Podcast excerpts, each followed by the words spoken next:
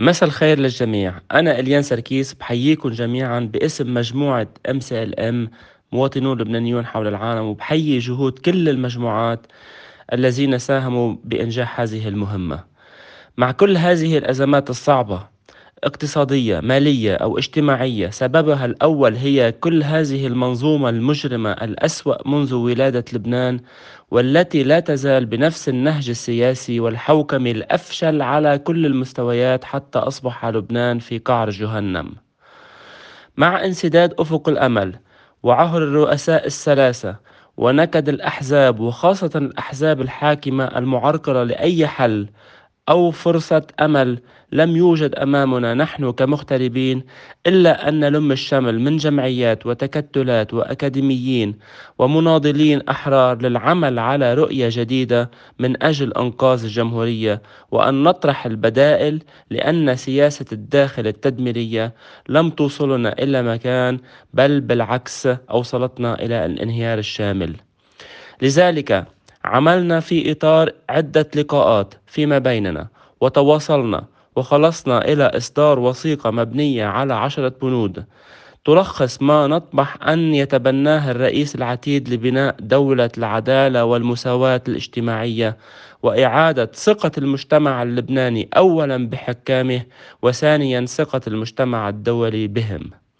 نحن نحتكم للديمقراطية والحرية. فقط نتمنى أن ينتخب الرئيس بالديمقراطية على خطى الدول الراقية الحضرية وفق رؤيته وبرنامجه وانفتاحه الذي عليه أن يضعه بتصرف الشعب أولا قبل المجلس النواب لأنه رئيس الجمهورية وليس رئيس من سينتخبونه. وهكذا يختار الشعب اللبناني الأنسب لسدة الرئاسة علما أنه ليس هو من ينتخبه. طبعا من غير المقبول بعصرنا الحاضر أن يأتي رئيس منزل لأنه مدعوم من سلطة أو دولة أوصلت البلاد والعباد إلى ما نحن عليه. نحن كمغتربين سنتصدى إلى سياسة الترهيب وسياسة التعيين العشوائي.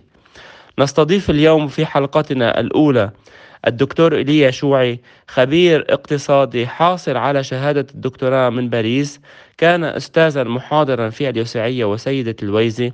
ومعروف بمواقفه الثورية الشرسة ضد سياسة المال والاقتصاد وهو مستقل عن كامل الأحزاب أحزاب السلطة.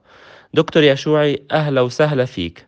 ستدير الحلقة السيدة فادية سمعان الإعلامية الحرة ورئيسة التحرير لصحيفة جبلنا مجازين ونائب رئيسة مجموعة سول في واشنطن والإعلامي ورئيس مجموعة المنتدى الأورو متوسطي للتنمية في فرنسا الأستاذ طارق وهبي وهو أكاديمي أستاذ جامعي وباحث في العلاقات الدولية. فادية الكلام إليك. تفضلي. آه، مساء الخير دكتور يشوعي. مساء الخير آه، أو صباح الخير ما بعرف التوقيت مساء الخير بشكل عام للكل. بنرحب فيكم. هاللقاء رح ينذاع بكرة على راديو مونت ليبانون لوس أنجلوس. أو بنقول التوقيت بعدين على صفحة MCLM وكمان رح ينبث على موقع جبلنا Magazine وعلى صفحة مجموعة MC بالبداية بدي آه، بس قبل ما بلش بالأسئلة اللي أعددناها يعني بالتعاون فيما بيننا نحن كمجموعة عم بتتابع موضوع الانتخابات الرئاسية بالاغتراب. آه، بدي أطلب من الأستاذ طارق وهبي زميلنا إذا عنده أي شيء بحب إنه نبدأ فيه قبل ما نبلش بالأسئلة المعدة سلفا. تفضل طارق. مساء الخير للجميع اللي هن بلبنان وبأوروبا وصباح الخير للي قاعدين بالولايات المتحده الامريكيه. دكتور يشوعي أول شيء بطلب من الجميع إذا بتريدوا سكروا الميكرو الكل يسكر الميكرو لحتى نضل نقدر نسمع بعضنا وبنفس الوقت ما يكون أي تشويش عن اللي بده يقوله الدكتور يشوعي وقت يبلش يحكي. طبيعي الحدث المهم دكتور يدي اليوم اللي صار كان بنك بلومبرج ولا بنك ميد بنك وخصوصا إنه المودعين ذهبوا لأخذ حقهم آه، آه، اللي بيملكوه في هذه البنوك، أنا برأيي أول يعني طل بهذا الموضوع بصفتك. أيضا خبير اقتصادي، شو رأيك باللي صار اليوم؟ سيدي آه، لا يمكن اعتبار ما حدث اليوم مخالفة أو جنحة أو جرم. آه، أو مخالفة للقانون لأنه كان يجب على هذا القانون أن يطبق بشكل مقبول وبشكل مرضي على مسألة زيادة المصارف لرساميلها عندما طلب المصرف المركزي منها ذلك منذ عدة أشهر. ولكن تلك الزيادة كانت زيادة وهمية أو زيادة نظرية لأنه المساهمون شو عملوا؟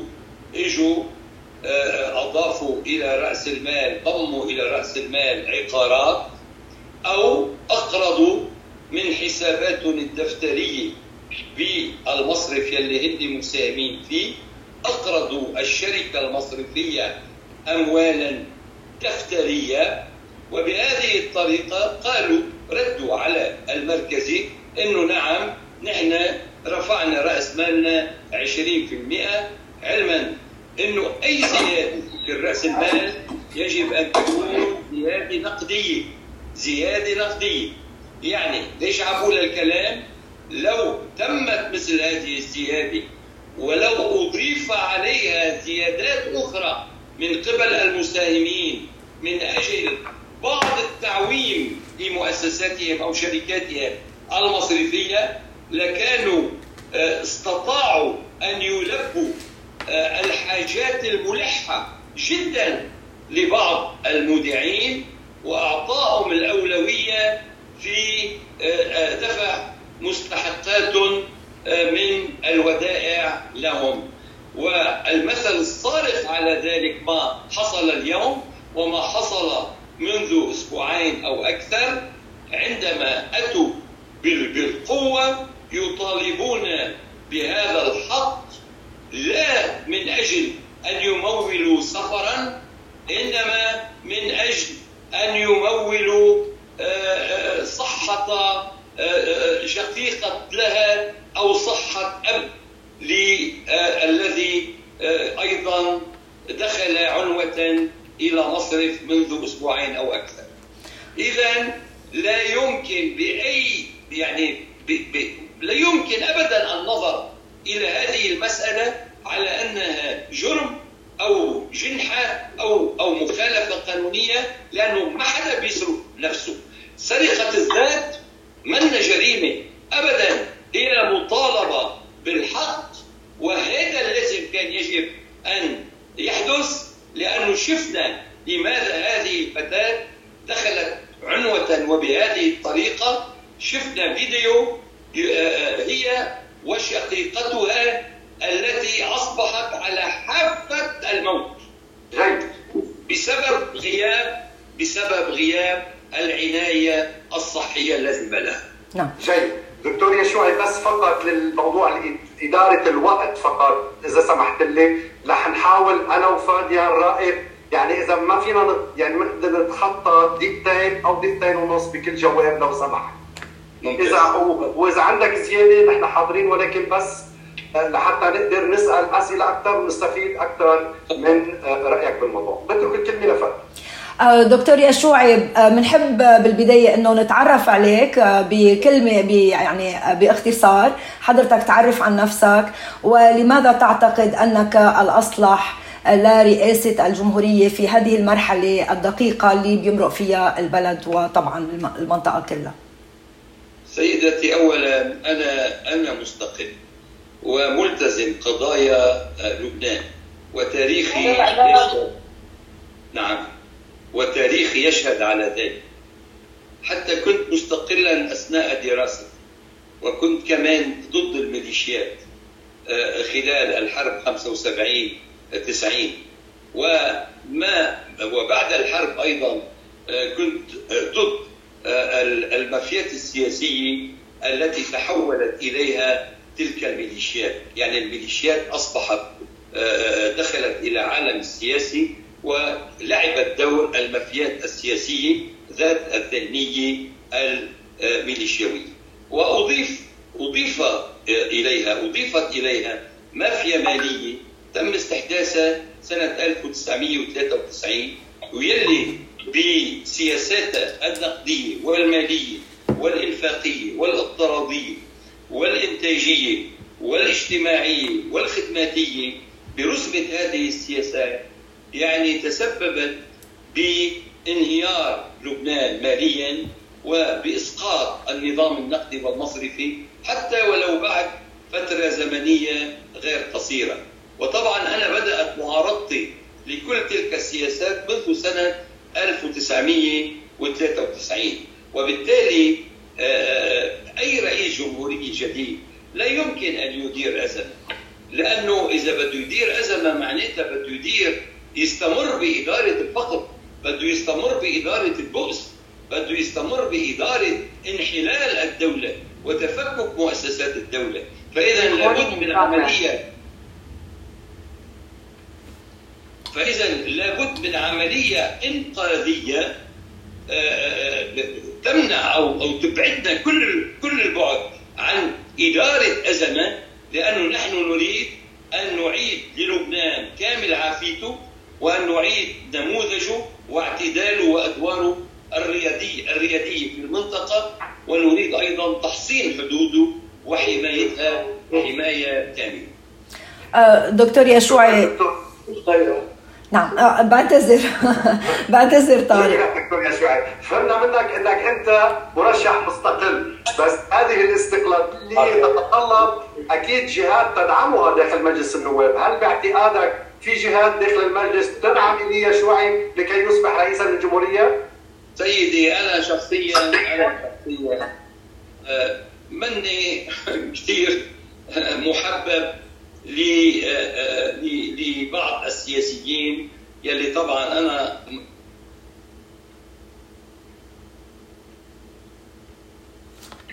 ما عم نسمعك دكتور يشوعي حطيت الميكرو سكرت الميكرو ما عم نسمع. ألو؟ إيه نعم. تفضل تفضل تفضل. ألو؟ تفضل عم نسمع تفضل. نعم آه، اذا يعني سؤالك إذا كان عندي تأييد من من المافيات السياسية داخل مجلس النواب أكيد لا.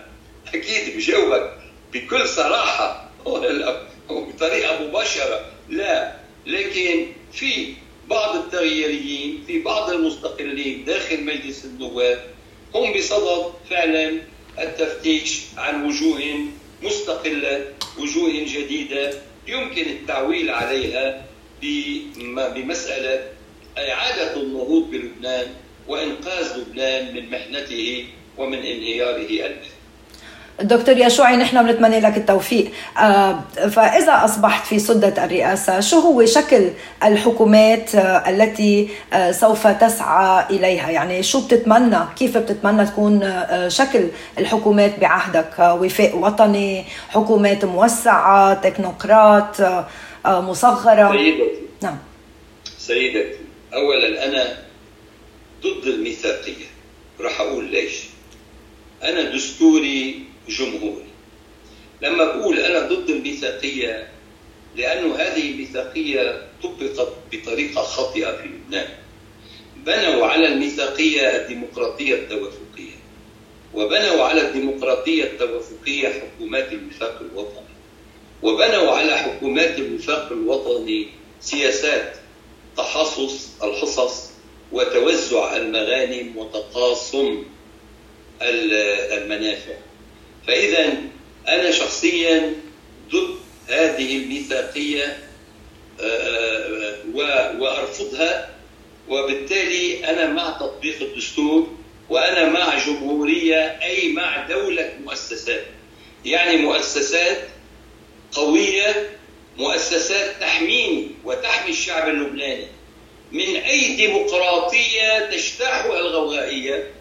ومن أي ديمقراطية تعتدي على الحريات العامة والحريات الشخصية؟ ومن أي ديمقراطية تفرز جماعة صغيرة تسيطر على مقدرات البلاد؟ نعم.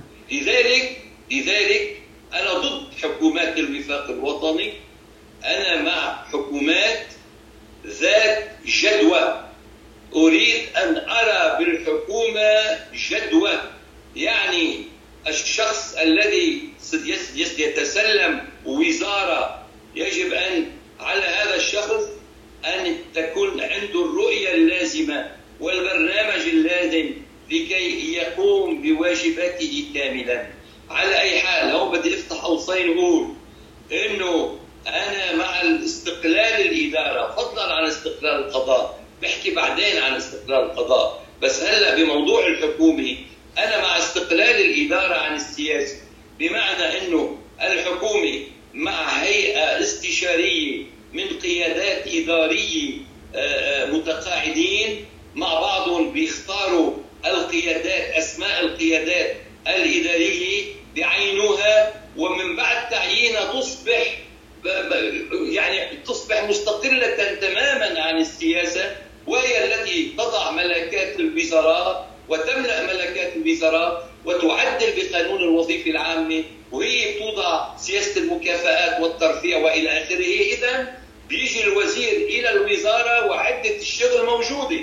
مش بده يجي إلى الوزارة ويجيب اودي اوصوله معه أو بده يجيب مرافقينه معه أو بده يجيب إدارة رديفة كمان معه. فإذا استقلال الإدارة هيدي شغلة أساسية لإنجاح أي حكومة لانجاحها كسلطة تنفيذية بتنفيذ مشاريع مجدية وبالقيام بدور مجدي على صعيد الاجتماعي والخدماتي والتنمية والانماء والنمو الاقتصادي. بعتقد إنك كمان نعم سوري تفضل. دكتور إلي فهمنا كثير منيح إنك آه، وشرحك ضد الميثاقية ولكن بنفس الوقت نحن بنعرف إنه في فرق ما بين الايراد الاداري وما بين الجهاز السياسي اللي بيجي مع الوزير، هل ايليا شوعي بده وزراء داخل الحكومة إذا صار الجمهورية؟ كيف يعني بدي؟ أكيد. الوزير الوزير يا سيدي هو رجل سياسي. يعني لأنه يضع سياسة الوزارة. مفروض أن يكون رجل سياسي. لا ما فهمت سؤالي سؤالي هل حضرتك ستطالب بوزراء لرئيس الجمهورية داخل الحكومة؟ ابدا ابدا قطعا لا قطعا لا طيب. لأنه رئيس الجمهورية في لبنان هو رئيس الجميع وهو على مسافة واحدة من الجميع وهو الحكم وهو وهو العنصر التوفيقي بين كل المكونات اللبنانية. شو هذه حصه رئيس جمهورية وحصه رئيس وزارة وحصه رئيس مجلس نواب شو هيدي قلت لك؟ هيدي انعملت نتيجة حكومات الوفاق الوطني. أنا ضد حكومات الوفاق الوطني. أنا مع حكومة أكثرية ومع أقلية معارضة لهذه الحكومة. أي مع تطبيق الديمقراطية ذات الجدوى. مش الديمقراطية الخالصة. لأنه الديمقراطية الخالصة خطرة كثير أنا مع الديمقراطية التي فعلا لها جدوى وتوصلني إلى نتائج بناءة وإيجابية. نعم. خلينا نتابع معك دكتور يشوعي آه، بالأسئلة المعدة. آه، هل ستطلب من الحكومة والمجلس النيابي العمل على ورشة دستورية لوقف التعارض بالصلاحيات وتوضيح المهام؟ وبالتالي هل توافق على وجود حاجة إلى ورشة إصلاحية للقوانين اللبنانية تنزع أسباب النزاع بين اللبنانيين وتحقق المبادئ الدستورية وتستجيب للقوانين والنظم الدولية المعاصرة؟ سيدتي قلت لك أنا دستوري جمهوري يعني لما بقول أنا دستوري يعني أنا أعتقد إن الدستور هو القانون الأعلى وهو ملزم لكافة السلطات ولا يمكن المساومة على الدستور. هلا إذا الدستور اللبناني يحتاج إلى إعادة قراءة، يحتاج إلى إعادة آه، آه، النظر ببعض الثغرات الموجودة فيه، بعطيك مثلين مثلا على ثغرات موجودة في الدستور اللبناني. اولا المهن. المهن مهن مهن التشكيل الحكومي. منا موجودة؟ مثلا في الدستور اللبناني. مهنه التشكيل الحكومي غير موجودة. حتى إملاء الفراغ الرئاسي كمان مش موجود. يعني ممكن إن نفكر بكبير السن في مجلس النواب يتسلم مؤقتا رئاسة الجمهورية منعا للفراغ الرئاسي لأنه نحن بنعرف أنه الحكم استمرارية. ولا يمكن هيك أنه واحد أن أن أن أن يتسبب بانقطاع لاستمرارية الحكم. عم بعطي أمثلة على بعض الثغرات الموجودة في الدستور. ولكن دستورنا كمان في بنود لم تطبق بعد. بند اللامركزية اللامركزية الإدارية والمالية وهذا بند لابد من تطبيقه بأسرع وقت ممكن. إذا فعلا بدنا نحقق الإنماء الجغرافي المتوازن لأنه لما بقول لا مركزية مالية يعني لا مركزية ضرائبية يعني مجالس الأقضية المنتخبة مش المعينة. حسب الدستور المنتخبة يجب أن تكون منتخبة هي اللي بتجبي الضرائب من المقيمين داخل القضاء وجزء منها يعاد آه، إنفاقه على مشاريع انمائيه داخل القضاء وقسم آخر يحول إلى الخزينة المركزية من أجل آه، تمويل المشتركات. هلأ بالنسبة أيضا لبند إلغاء الطائفية السياسية. سيدتي أنا أرى في الهيئة العليا التي سوف تدرس مسألة الغاء الطائفيه السياسيه أرى فيها أكبر أكبر وسيلة لمكافحة التقسيم لمواجهة مشاريع التقسيم آه، في المنطقة كلها. لأنه إذا بده يصير في تقسيم بلبنان بسبب الطائفية وبسبب المذهبية. هيدا هيدي هي سبب تقسيم لبنان في حال بده يتعرض لبنان إلى التقسيم. بينما إلغاء الطائفية السياسية يحصلنا ضد مشاريع التقسيم في في المنطقة كلها سوا. نعم. أه ثم ثم ثم بدستورنا بدستورنا في شيء في كلام واضح عن الاقتصاد الحر عن اقتصاد السوق لكن مع الأسف تحول هذا الاقتصاد إلى كيان مسخ بثلاث رؤوس اقتصاد احتكاري متوحش اقتصاد أسود مبني على الرشاوي اقتصاد أسود مبني على السمسره على التهرب الضريبي وتبييض الأموال. وأيضا اقتصاد مركزي ثبت سعر صرف الليرة وحدد نسبه الفوائد الباهظه بمعزل عن العمل الطبيعي لأسواق النقد آه، والقطع. فاذا ال ال يعني آه، القصور كمان بتأمين الحقوق الدستورية من قبل الدولة والقيام الشعب بواجباته تجاه الدولة عزز كمان التهرب الضريبي والتهريب وهودي كمان على أي حكومة أن تكافحهما. دكتور يشوعي آه سوري عم اقاطعك تفضل كمل. أخيرا أخيرا ينص الدستور على انه الشعب هو مصدر السلطات والسيادة. يا أخي إذا الشعب مصدر السلطات والسيادة ومنه قادر يحصل حقوقه المالية من هذا القضاء المسيس معناتها هذا الدستور بهذا بهذا البند أصبح بندا نظريا. نحن مع إنه الشعب يكون فعلا أن يسترد سلطته وأن يسترد سيادته لكي يكون قادرا على الأقل على تحصيل حقوقه آه، الأساسية وعلى راسها حقوقه المالية المفقودة. سؤال بسيط دكتور يشوعي لو حضرتك وصلت لرئاسة الجمهورية ما هي أولوية الأولويات في عهدك؟ سيدي اولا اولا دعني أقول آه، اولا أو أولوية الأولويات إنه فعلا أن نعود إلى شيء اسمه انتظام العمل السياسي في لبنان. يا أخي اولا نحن لبنان ما تنسى نحن عضو مؤسس وعامل في جامعة الدول العربية. شايف؟ نحن ملتزمين مواثيق الجامعة العربية. وجبنا توثيق الصراط بين كل الدول العربية، وجبنا تنسيق كافة الخطط والسياسات مع كل الدول العربية، وتحقيق أقصى التعاون بالشؤون الاقتصادية والاجتماعية والتربوية والصحية والتعاون مع الهيئات الدولية لضمان الأمن والسلام.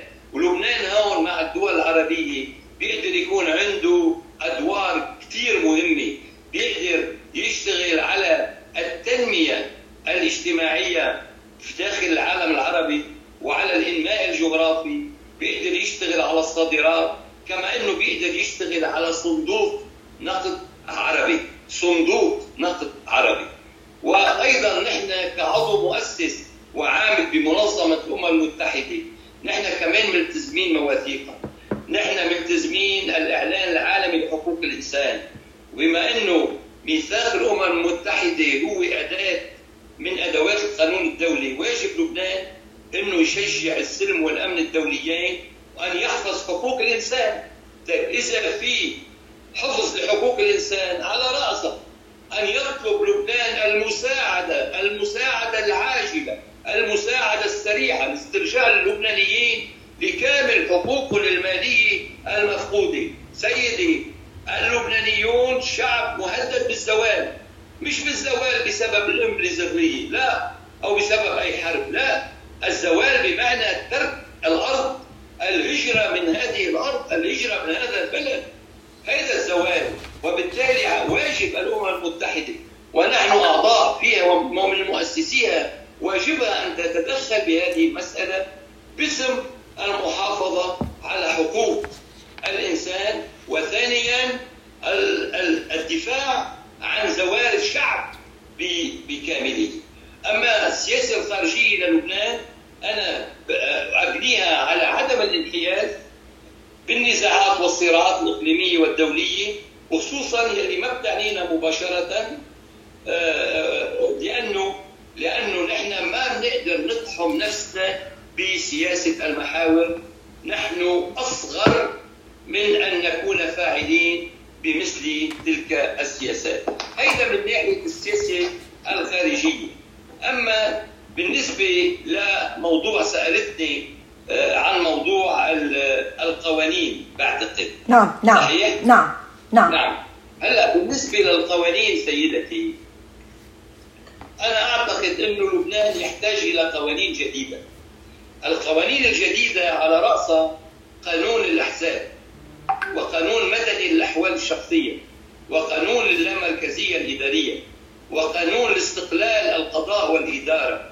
أنا قلت لكم اليه استقلال الإدارة. نفس الآلية تطبق على استقلال القضاء حكومه مع هيئة استشارية قضائية مشكله من قيادات قضائية متقاعدين.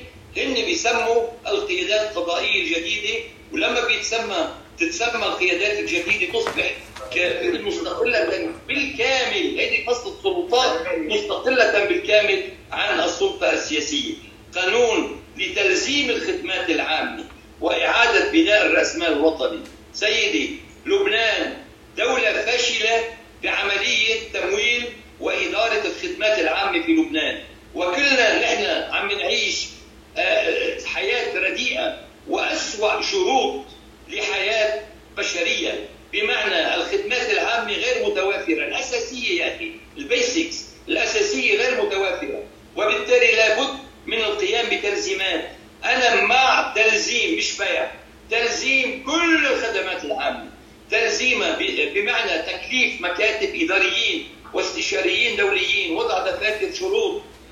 كل مكتب ضمن اختصاصه وعلى أساس دفاتر الشروط شروط دولية وبالأسعار الدولية يكلف ومن بعد موافقة الحكومة عليها يكلف هذا المكتب بتكليفه بإجراء مزايدة على الكهرباء مزايدة على النفايات على النقل المشترك على المي على المرفأ على بناء المرفأ على بناء مطار آخر على إصلاح الطرق على طرق سريعة بدك إياه. وتوافق الحكومة على دفاتر الشروط وعلى التلزيم بالمزايدة لفترة زمنية محددة وتضيف الحكومة بند واحد هو نقل كل الموظفين موظفو موظفي تلك المرافق العامة من القطاع العام إلى القطاع الخاص الجديد الشركات الجديدة. بتكون مسؤولية الحكومة هون أن تراقب مدى مدى تطبيق واحترام والتزام الشركات الملتزمة ببنود دفاتر الشروط. وهذه فترة زمنية طويلة على 20 أو 30 سنة. بهالطريقة سيدي بنكون عم نعيد بناء رأس مالنا الوطني. الرأسمال الوطني يعني كل ما تملكه الدولة من موجودات. أما استعادة الرأسمال الخاص فبنقدر نقدر نحققه بواسطة تشريع مؤقت يزيل كل العوائق من أمام التدقيق المالي الجنائي من أجل أن نسترجع 75 مليار دولار من أموالنا ضائعة في البنك المركزي. ضائعة في البنك المركزي. ثم قانون ضريبي عصري قائم على الضرائب الشخصية قانون حماية البيئة والتوازن الإيكولوجي وقانون لتفعيل انظمه المحاسبة خصوصا بمسألتي انفجار المرفأ والتدقيق المالي الجنائي. أما القوانين القائمة فهي تحتاج أيضا لتحديث، بعطيك بعض الأمثلة.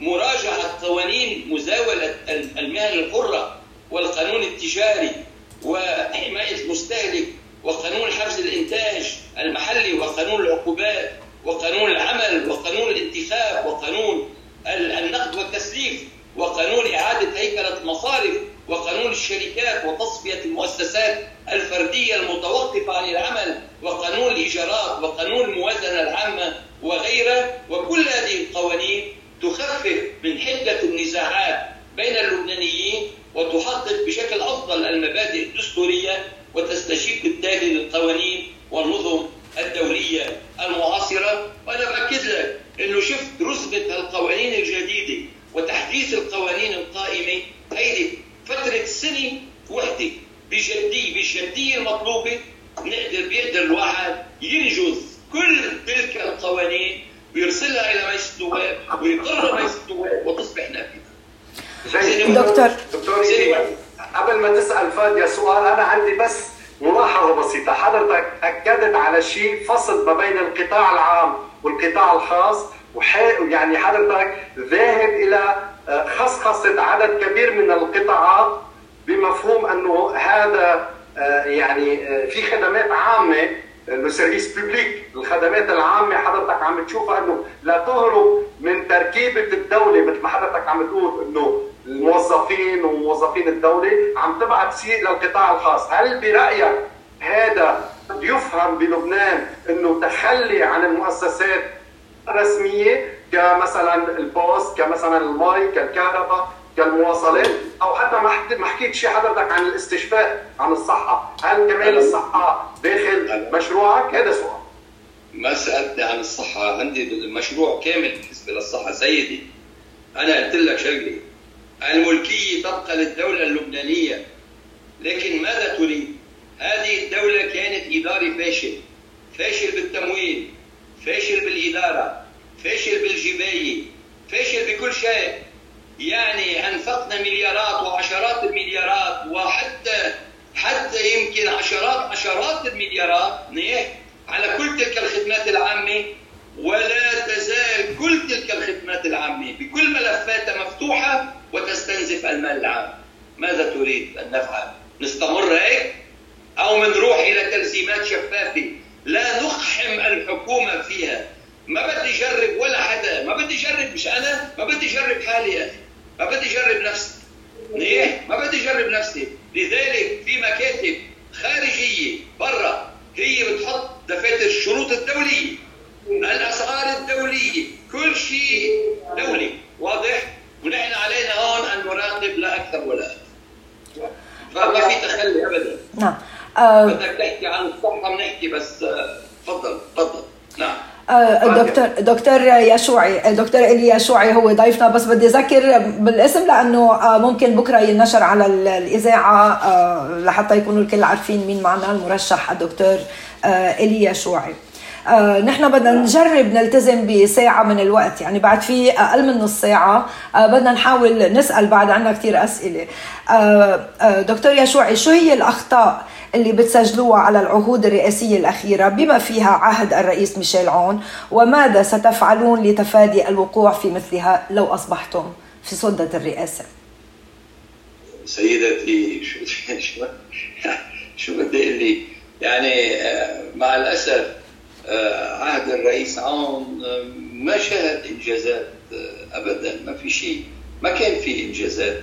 يا سيدتي لا على صعيد القوانين ولا على صعيد آه، آه، تطوير الدستور ولا صعيد استكمال تطبيق بنود الدستور ولا على صعيد الحفز حفز الاقتصاد وعلى ولا على صعيد آه، المحافظة على سلامة القطاع المصرفي يعني أنا شخصيا كنت دائما أنصح كل رئيس جمهورية عند بداية عهده كنت انصح واقول له إذا بدك تنجح بعهدك عليك أن تحسن اختيار شخصين وتضعهما واحد على رأس وزارة المال والثاني على رأس البنك المركزي كحاكم للبنك المركزي لأنه أنا أعتبر سيدتي إنه السياسة النقدية والسياسة المالية إني حجر زاوي إني عمودين بمسألة بناء الاقتصاد الوطني بمسألة تأمين فرص العمل للشباب. بمسألة تنقية الماليه العامة بموضوع آه، التجنب الاقتراض الكثيف وأيضا تسجيل العجوزات الكبيرة في الموازنات العامة. شوفي اليوم مجلس انه هذا المجلس مجلس النواب هذا ما قدر ما قدر يجتمع مشان لي ليبحث أو يناقش موازنة موازنة ال 2022 يلي صار لها تسعة أشهر عم ننفق ما بعرف على أي قاعدة. هل هي القاعدة الاثنتي عشرية أم أي قاعدة عشوائية أخرى؟ يعني من بعد تسعة أشهر ما قادرين يجتمعوا ما قادرين يناقشوا وما قادرين يصوتوا ويتفقوا على موازنة. لتعرفي قديش يعني بهذه الست سنين كان في نزاعات قوية بين وشد حبال. بين السياسيين وهذا كله عطل الحياة السياسية وعطل معها الحياة الاقتصادية وأكثر من ذلك شاهدنا شاهدنا سقوطا مدويا للنظام النقدي والمصرفي والمالي في لبنان. وشاهدنا أيضا سقوطا للدولة اللبنانية عندما أعلنت إفلاسها وأعلنت توقفها عن الدفع. وهون بين قوسين ما حدا عم بي عم بيسكت ما حدا عم بيقول إنه يا عمي اليوم سند الدين بالخارج اللي اسمه اليورو بوند اليوم سعره صار 6 7 سنت. كان كان 100 صار صار سعره 7 سنت. يعني 36 مليار دولار التي تشكل قروضنا الخارجية نستطيع اليوم أن نشتريها ب 3 مليارات دولار. طبعا إذا رضي الدائن أن يبيعنا إياها بهذا السعر البخس. لكن حتى المحاوله أو حتى التفكير بذلك ما حدا بوارد مثل هذا التفكير. ما صار فيه ولا إنجاز. اللهم إلا جسر جل الدين بأول العام طيب آه دكتور في عنا أسئلة لها علاقة مرتبطة بالأحداث عم بتصير حاليا وهي موضوع ترسيم الحدود البحرية آه، حاليا وأكيد فينا نرجع لورا كثير للعلاقة بالحدود البرية وحتى فينا نرجع آه، في عندنا قامة دبلوماسية معنا في الجروب طرحت موضوع الهدنة للعام 1949 ما بين دولة إسرائيل ودولة لبنان. حضرتك لو كنت رئيس الجمهورية شو كنت حكيت بهذا الموضوع بالنسبة للترسيم وبالنسبة للهدنه؟ لو سمحت. هيدا هيدا هيدا موضوع كثير لأنه خلينا نحكي شوي باتفاق الهدنة لسنة ال 49 وبسرعة وبسرعة خليني لكم ما هي المواد الثمانية الموجودة بهذا الاتفاق بالمادة الأولى انتبهوا المادة الأولى والثالثة هيدي مادتين ملزمتين بينما المواد الأخرى قابلة للتعديل أو التعطيل أو أو أو التغيير. لكن الأولى والثالثة انتبهوا لها هلا بدنا نقولهم هودي نحن ملزمين فيهم وبعد ما صعدوا. لأنه ال 1701 اجى أكد عليه. شو هن؟ البند المادة الأولى عدم اللجوء إلى القوة العسكرية لتسوية قضية فلسطين بين لبنان وبين إسرائيل. وممنوع شن أي هجوم من أي بلد على الآخر. المادة الثانية هي مجرد هدنة ما فيها أي منفعة عسكرية أو سياسية. المادة الثالثة هيدي المهمة يمنع على القوى النظامية وغير النظامية يعني انتبه لهي يمنع على القوى النظامية وغير النظامية القيام بأي عمل حربي ضد الجانب الآخر أو ضد المدنيين أو يعبر خط الحدود في إطار الهدنة الدائمة أو يدخل المجال الجوي أو يمر عبر المياه على مسافة 3 أميال من ساحل الجانب الآخر معناها شو؟ معناها إنه خط الهدنه الدائمه أصبح عمليا خط الحدود الدولية بين لبنان وبين إسرائيل، يعني الترسيم إذا بدك نحكي عن الترسيم اتفاق الهدنه بتلاقي ترسيم باتفاق الهدنه إن كان ترسيم بري كان إن كان ترسيم بحري. لأنه الترسيم البحري ليش عم بقول في ترسيم بحري؟ لأنه ممنوع تقرب أكثر من ثلاث أميال إلى الحدود البحرية باتفاق الهدنه، بعدين بيقولوا إنه في تحديد 1500 ضابط وجندي لكل من البلدين على طرفي الحدود. ووضع آلية مشتركة لتبادل الأسرى ولعمل لجنة الهدنة وطريقة رفع الدعاوي. وإلا بالآخر أنه كل المواد قابلة للتعديل قابلة للتعليق ولكن يعرض الأمر على مجلس الأمن ما عدا المادة الأولى والمادة الثالثة. واسمح لي أقول لك واسمح لي أقول لك شغلة. إنه ال 1701 سيدي قرار 1701 اللي صدر بال 2006 يلي حل النزاع بين لبنان وبين إسرائيل اجى أعاد تأكيد تأكيده على ضرورة الالتزام باتفاق الهدنه على الأقل بالمادتين الأولى والثالثة. واضح؟ وكل القرارات التي تلت يلي إجت من بعد القرار 1701 وكلها يلي كانت عم تحكي عن اليونيفيل وضمان سلامة اليونيفيل والالتزام بالخط الأزرق كمان هون في تأكيد جديد على ترسيم حدود إيه؟ وكانت دائما ترحب تلك القرارات ترحب دائما بتوسيع التنسيق بين اليونيفيل وبين الجيش اللبناني وهون اسمح لي زيد بالنسبة لترسيم الحدود إنه مش بس إحنا ترسيم الحدود جنوبا وهلأ دخلونا بإحداثيات جديدة. إيه؟ بمتاهات إحداثيات جديدة. والإسرائيلي قاعد يلعب هلأ نية على الإحداثيات الجديدة ويحط كل مرة شوط جديد وكل مرة يستنبط أشياء مطالب جديدة. ومتجاهلين كليا اتفاق الهدنه وال 1701 وكل القرارات اللاحقة. خليني بس أحكي كلمة عن ترسيم الحدود مع سوريا. لأنه لبنان بعد ما رسم حدوده مع سوريا ولا رسم حدوده مع قبرص ولا رسم حدوده مع إسرائيل البحريه. فإذا الملف مع سوريا مجمد والمسألة تفترض عقد اجتماع ثلاثي الأطراف بضم لبنان وسوريا وقبرص من أجل حل مسألة الحدود البحرية والتوصل إلى نقاط تقاطع ثلاثية، هلا حسب قانون البحار سيدي. في تداخل بين بلوكات البلدان الثلاثه، راح أعطيك مثل البلوك السوري متداخل مع البلوك اللبناني ب 15 كيلومتر، البلوك اللبناني ممتد على البلوك السوري بنحو بنحو 2 كيلومتر، البلوك اللبناني ممتد إلى داخل حدود قبرص ببضعة أمتار والبلوك القبرصي ممتد إلى البلوك اللبناني ب 250 متر.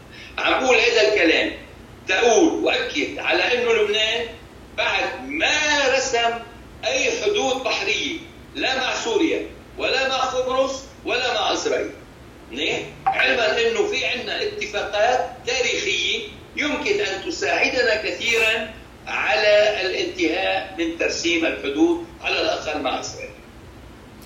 طب آه نعم آه لأنه في في أسئلة عم تورد كمان على الخاص آه بخصوص الموقف من حزب الله والسلاح واستعمال السلاح من قبل حزب الله يعني دف... للدفاع عن لبنان أو آه شو موقفك من حزب الله؟ شو موقفك من السلاح غير الشرعي؟ سيدتي اولا خليني أقول إنه الفوضى عم تجتاح كل مؤسسات الدولة لكن القوى الأمنية يعني الجيش والقوى الأمنية الأخرى لا تزال متماسكة القادة الأمنيون يعطيهم ألف عافية تميزوا بالكثير من الحكمة والدراية ولعبوا دورا رائدا في الحفاظ المقبول والنسبي على الأمن الاجتماعي ومكافحة السرقات والتعديات على الأملاك الخاصة كما حافظوا على وحدة مؤسساتهم الأمنية. هلأ بالنسبة لحزب الله سيدتي إذا بدنا نعرف ناخذ الموقف الواضح من حزب الله. علينا اولا استعراض إيديولوجية حزب الله. الشيء بيقولوا هلا نية عن إيديولوجية حزب الله. راح توقف عند ال... عند بعض البنود أو بعض مكونات هذه الإيديولوجية التي تخلى عنها الحزب. بدي أخلص بالآخر وأقول شو لازم يكون موقفنا من حزب الله اولا خليني أحكي عن الايديولوجيا وضع حد لأي كيان يريد السيطرة على ما بعتقد إنه كلنا بنوافق إنه ما بدنا أي كيان يحط إيده على في آه، آه، في مكون آخر لايديولوجيتهم هلا نية تخلوا عنه. محاسبة الكتائب والقوات على الجرائم التي ارتكبوها ضد المسلمين والمسيحيين خلال الحرب الأهلية يعني 75 90 من القرن الماضي، هي تخلوا عنها وهذا بيفسر المواقف الحادة جدا من الحزب يلي نسمعها من حزبي الكتائب والقوات.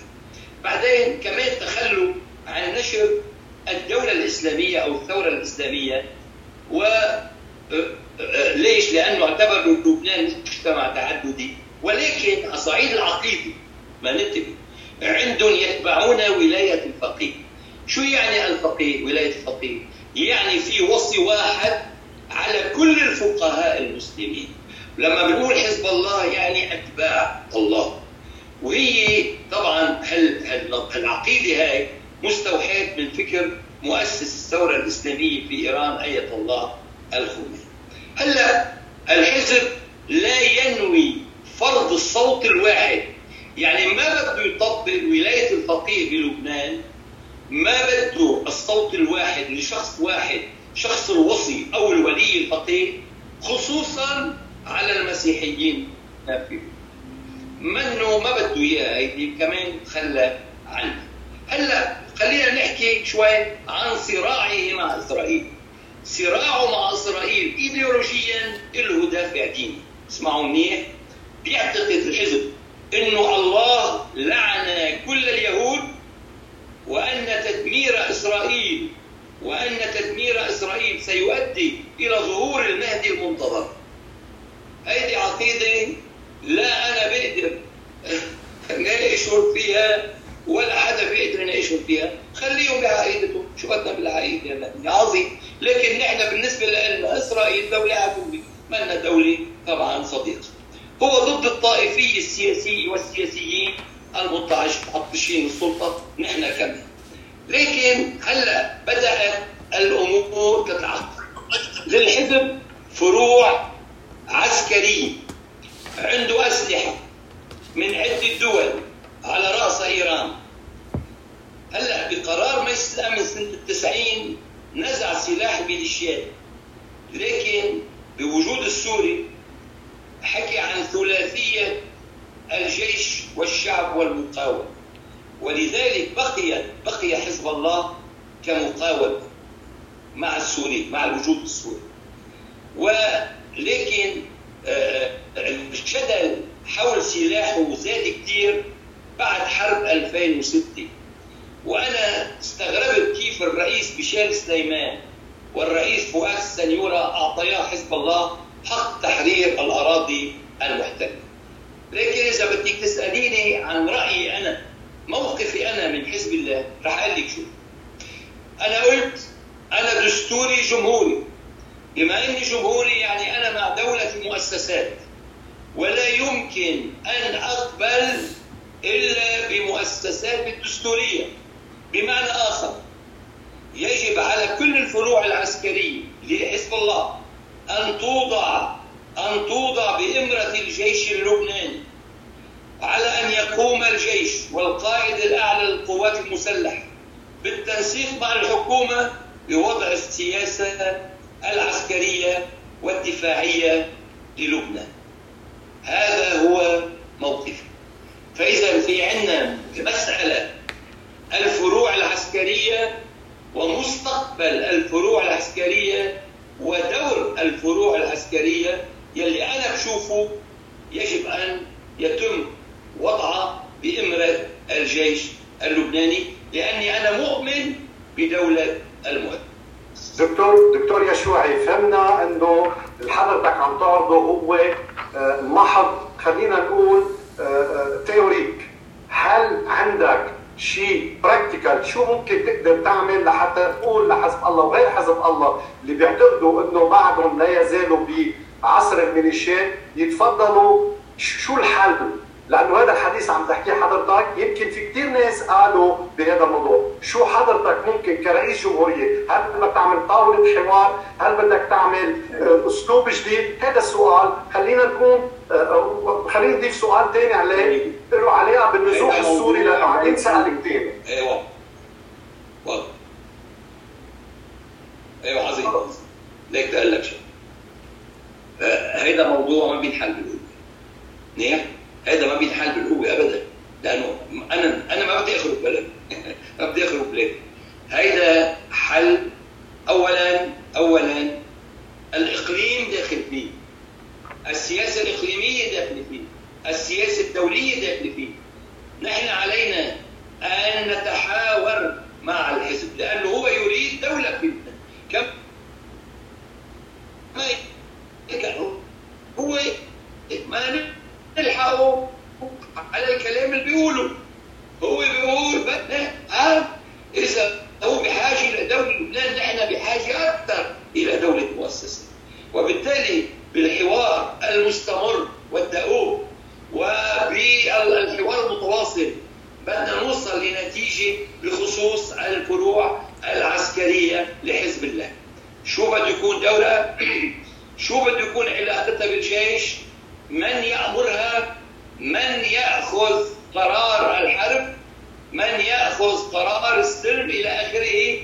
بده يكون في اتفاق على هذا الموضوع بواسطة حوار لا يجب أن نتعب منه.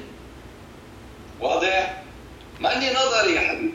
جيد جيد. أنا عم بحاول نروح معك لحتى الكل اللي عم يسمعوا لأنه عم نشوف على المحادثات الكتابية إنه في كثير ناس بكلام المرشحين بيحكوا بينهونا بس بالآخر بس يوصلوا ما بنعرف شو بيعملوا. في حتى سؤال كثير مهم. الدكتور يشوعي بيقول حضرتك كجمهوري كدستوري شو يعني هل بنقدر نحن بالآخر نسائلك على مواضيع حضرتك فيها؟ أو حتى نقول محاسبة أو مساءله لرئيس الجمهورية أو حتى لفريق رئيس الجمهورية أو حتى للحكومات، كيف يستطيع الشعب ذلك؟ هل عندك آلية حضرتك حاططها بهذا الموضوع؟ سيدي أنا أنا مع المحاسبة أنا مع المحاسبة لكن بلبنان المحاسبة معطلة هل يحاسب مجلس النواب الحكومة؟ هل مثلا ديوان المحاسبة يحاسب الإدارات الرسمية؟ لك يا أخي هل القضاء يحاسب المجرمين والمرتكبين؟ ما في محاسبة بلبنان.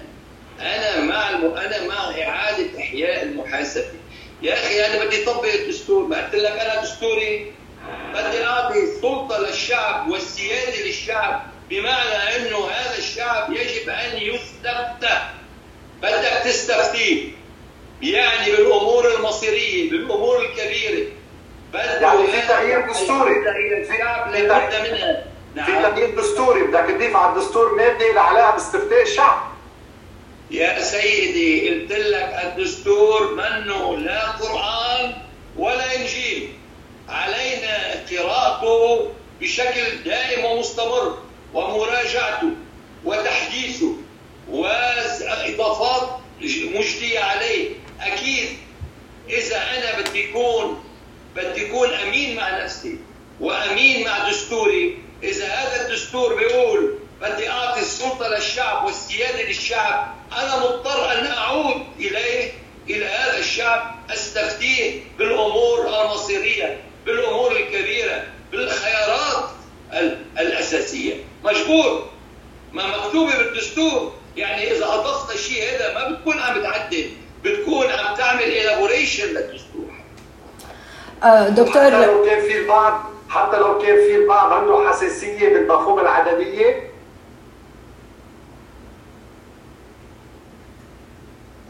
حتى لو كان البعض عنده أنا يا أخي عم بحكيك بإلغاء الطائفية السياسية. جاي تحكيني عن العددية أنت؟ عم أنا عم بقول لك خوف بعض المجتمع في أشخاص بالمجتمع عندهم خوف بهذا الموضوع، نحن لا ناخذ ما عم نعطي رأينا الخاص دكتور ايدي، حضرتك مرشح عم بسألك هذا الموضوع بمعنى إنه هناك لا يزال بعض الأشخاص عندهم خوف بمفهوم العددية، حضرتك عم تقول أنا دستوري جمهوري أريد أن أطبق المبادئ الجمهوريه الكل سواسيه، فهمناك بهذا الموضوع ولكن ما هو ردك على الناس اللي بتحكي بهالطريقة؟ أكيد. أنا أريد أن أنفذ الدستور. أنا أريد أن أطبق الدستور يا سيدي. أنا أريد أن أطبق الدستور. بس أنا دستوري جمهوري. قلت لك اياها الصوت عم بيروح عند الدكتور نسوائي تفضل. نعم. ما عم نسمعك كثير منيح كنا نعم. تفضل تفضل. ما كنا عم نسمعك لا إيه. انتبه في كثير في كثير تغني بالديمقراطية في لبنان لكن هيدي منا ديمقراطية هيدي غوغائية هيدي تعدي على الحريات هيدي, هيدي وضع يد على على على مقدرات البلاد هيدي منا ديمقراطية أنا مع الديمقراطية الحقيقية مش الديمقراطية البيور الخالصة هيك النظرية. أكيد لا أكيد لا. طيب فيني آه نعم. آه بدي أول شيء الفت النظر إنه آه مرقت ساعة كاملة لهلأ فما بعرف إذا رح يمددوا أو لا. Anyway أنا رح أسأل آه آخر سؤال من الأسئلة المعدة سلفا لحضرتك وبعدين إذا بدهم يتركوا مجال لبعض الأسئلة اللي عم نشوفها عم تورد يعني. نرجع نرجع لها أو نسأل فيها عم تورد بال بالتشاتنج آه، دكتور يشوعي في حال انتخابكم وبعد ست سنوات على وجودكم بالرئاسة ماذا تريد أن يذكر التاريخ والشعب عن عهدكم؟ وهل تؤيد إطلاق صفات على العهود مثل ما فعل الرئيس عون باعتماد صفة العهد القوي؟ لا لا لا لا عهد قوي ولا عهد شيء. عهد مجدي عهد يخدم شعبه. عهد آه، آه، يخدم وطنه يعني عهد آه، يتطلع إلى شعبه إلى مصالح شعبه. عهد يغلب الاقتصاد والمصلحة الاقتصادية على السياسي لأنه السياسي في لبنان يفرق والاقتصاد يجمع. وبعطيك مثل على ذلك شوفي مجالس إدارات الشركات هيك اللي بعدها محترمة بتشوفي مجالس إداراتها فيها من كل المذاهب وما حدا أبدا بيحكي عن عصبيته المذهبية أو انتمائه الحزبي أو عقيدته ما بعرف هي هي؟ كلهم هممهم شو؟ هممهم مصلحة مصلحتهم الاقتصادية مصلحة عيالهم ومصلحتهم الشخصية. إذا تغليب الاقتصاد على السياسة في لبنان إنقاذ للبنان. ومشروعي أن أغلب الاقتصاد المصلحة الاقتصادية الذاتية والعائلية. وخليني وخلي يحكوني بعد بالعقائد خلي يحكوني بالعصبيات وخلي يحكوني بالارتهانات وخلي يحكوني بالظلم بالأزلام. لشو عم يعملونا؟ وعم يعملوه لأنه هذا البلد ما قدم لهم شيء لأنه هذا البلد أهمل لهم مصالحهم. طردهم لأنه هذا البلد طارد لسكانه طارد لشبابه طارد لأبنائه. نحن بدنا نكون دولة راعي دولة الأب الصالح دولة الرعاية. شو نعم. يعني دولة الرعاية؟ يعني مش بده واحد ياخذ منصب مشان يعمل هو ثروة لنفسه. يا حبيبي أنا إنسان مجرب. أنا مجرب. بهذا الموضوع مجرب. من 93 يلي كنت عم بعارضه عمل المستحيل. عمل المستحيل. طيب دكتور يشوع نعم. دكتور يشوعي بعتقد دكتور اليان سركيس رح يكون عنده بعدين آخر سؤال لك بس أنا بس سؤال حاب إنه أسألك إياه. شو دور الاغتراب بالمرحلة المقبلة؟ خاصة يعني إذا في حال انتخبت رئيس للجمهورية كيف رح تستفيد أو تفيد البلد من الطاقات الاغترابية.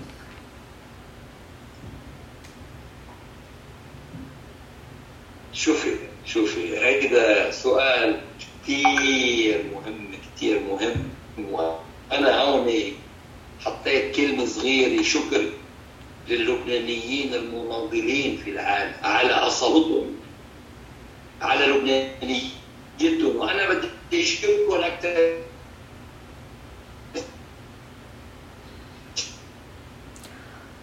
شيء كاقتصادي بدي اشكركم على بتعرفوا وين طريقتكم المالية. أنا طريقتكم المالية نحن فلسنا من زمان. من زمان كنا مفلسين. وتحويلاتكم المالية عوضت عن فداح اخطاء الداخل اللبناني الرديء.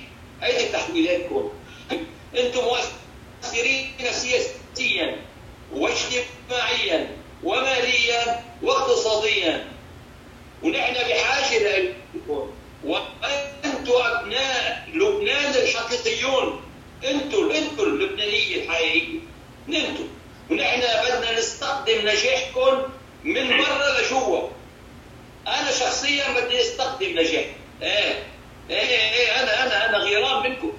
بدي بدي نجح لبنان مثل ما أنتم ناجحين برا.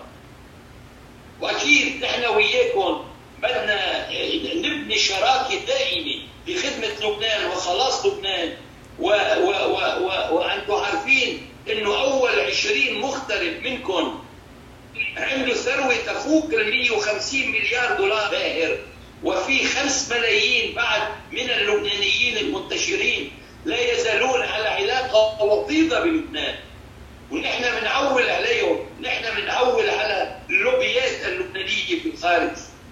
واكيد أي مسؤول في لبنان لازم يمد ويبني الجسور مع هؤلاء جسور مع هؤلاء.